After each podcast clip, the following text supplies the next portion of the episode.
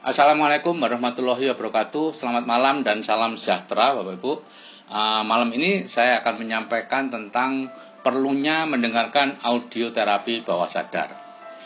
Sebelumnya perkenalkan saya Dr. Sigit Setiawadi SPOG.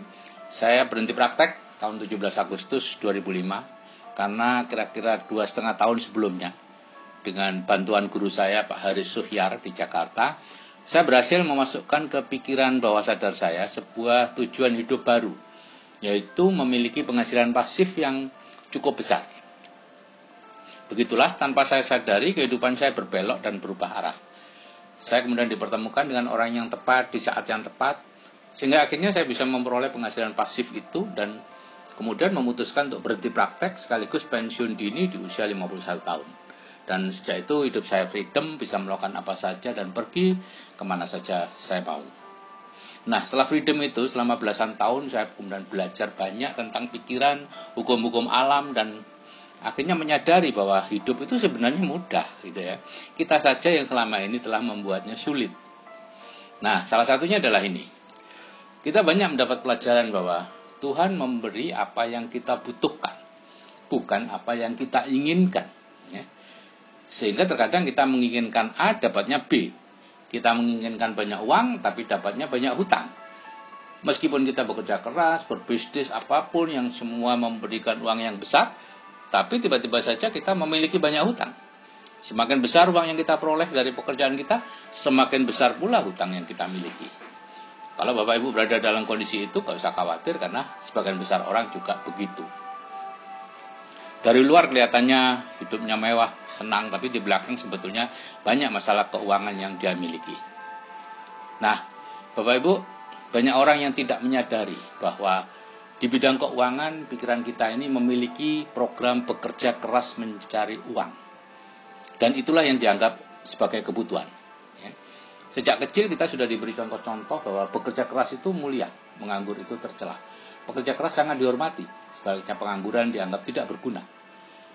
Dan kalau anak-anak ditanya besok bisa jadi apa, maka jawaban yang diharapkan adalah nama-nama pekerjaan, seperti menjadi dokter, menjadi pengacara, menjadi hakim, menjadi tentara, pilot dan sebagainya.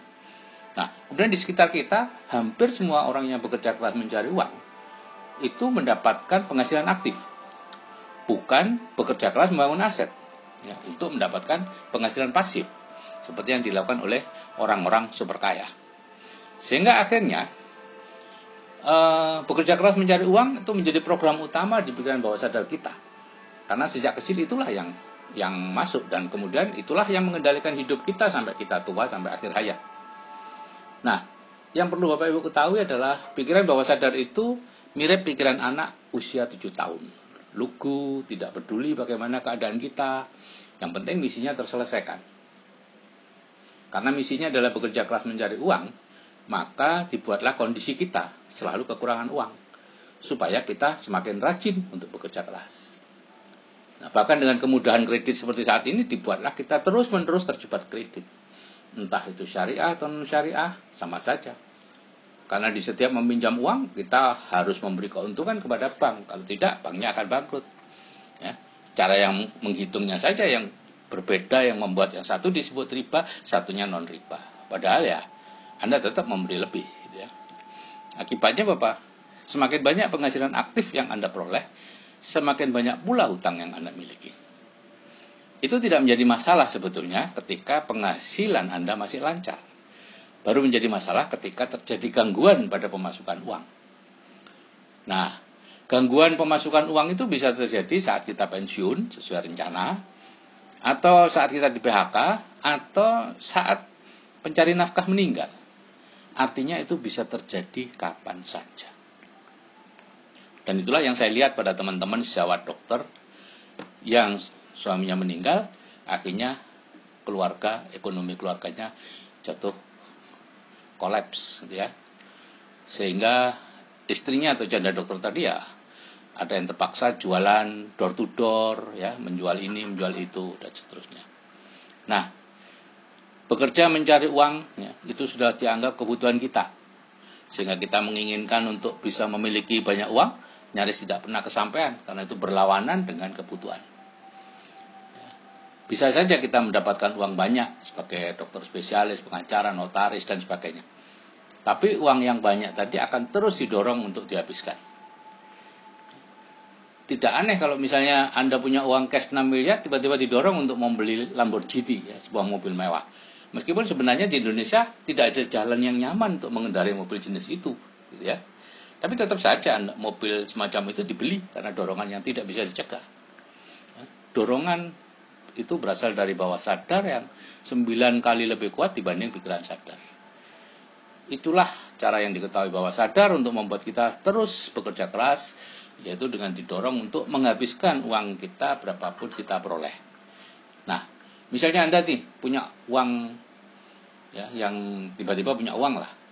Maka tiba-tiba aja ada keinginan untuk mengganti lantai, tiba-tiba ada keinginan untuk membangun e, kamar lebih besar, tiba-tiba ada mem, keinginan menambah rumah dan seterusnya. Sehingga akhirnya mereka yang punya program pikiran seperti itu akan jatuh dalam salah satu dari dua kondisi.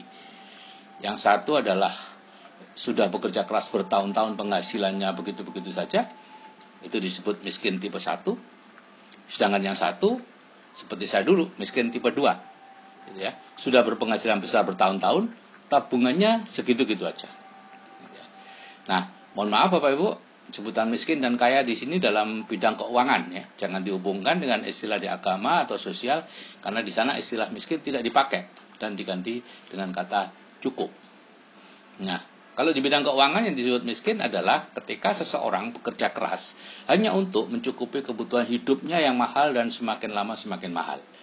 Itulah definisi miskin. Harus bekerja keras. Nah, kalau secara agama dan lain-lain itu dianggap cukup. Padahal secara keuangan yang disebut cukup adalah kekurangan uang yang dicukup-cukupkan. Banyak keinginan yang ditekan-tekan dan tidak bisa dipenuhi karena tidak ada uangnya. Ya, kepingin pergi berangkat umroh ditahan dulu. Pengen beli mobil nanti saja. Kepingin beli sepatu apa memang perlu? Mau cari tas apa memang perlu? Hampir semua yang kita inginkan ditanya apa memang perlu? Dan akhirnya tidak jadi dibeli karena memang tidak ada uangnya. Nah sekarang adalah masalahnya bagaimana kita melawan program pikiran miskin itu? Nah di situlah bapak ibu saya memiliki senjata rahasia ya yaitu dengan mengganti program pikiran bekerja keras mencari uang itu dengan program pikiran yang berlawanan. Dan itulah yang saya buat dengan dua audio terapi bawah sadar atau disingkat ATBS itu. Dua ATBS itu masing-masing kurang lebih 14-15 menit ya. Mengubah program pikiran miskin yang didominasi bekerja keras mencari uang dengan program yang sangat berlawanan. Yaitu tujuan hidup yang sebenarnya diinginkan banyak orang. Dua audio itu yang satu audio itu memiliki penghasilan pasif 100 juta sebulan, sedangkan audio yang kedua hidup nyaman dengan penghasilan pasif 100 juta sebulan.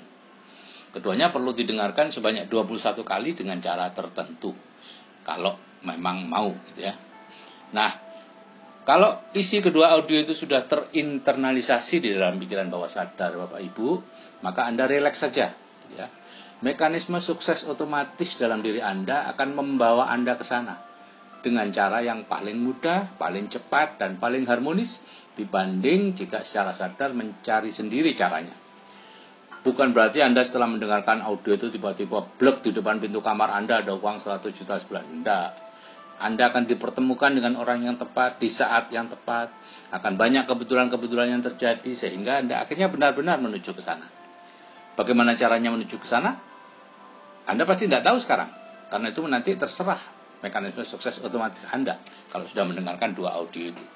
Bisa dengan jalan yang sudah Anda lakukan sekarang, bisa juga dengan yang lain. Gitu ya. Jadi Bapak Ibu, apakah Anda sekarang sudah memiliki penghasilan aktif besar, seorang pengangguran tanpa penghasilan, atau apakah Anda sudah tinggal di rumah yang bagus, atau masih kos di sebuah gang sempit yang banjir juga hujan, apa Anda sudah punya mobil, atau masih sepeda kancil yang rewet, semua sama saja. Begitu Anda berhasil memasukkan kedua audio terapi bawah sadar itu ke dalam pikiran bawah sadar dan terus mempertahankannya dengan tetap berada di lingkungan orang sukses, maka Anda akan dibimbing oleh MSO akan mengejarnya tanpa Anda sadari. Nah, di grup Building the Dream, selain dua audio itu Anda juga mendapat banyak materi-materi seperti kecerdasan finansial, mental block, self, hobono-bono, marketing, people skill, dan sebagainya. Tapi yang bisa mengubah masa depan kita adalah dua audio itu.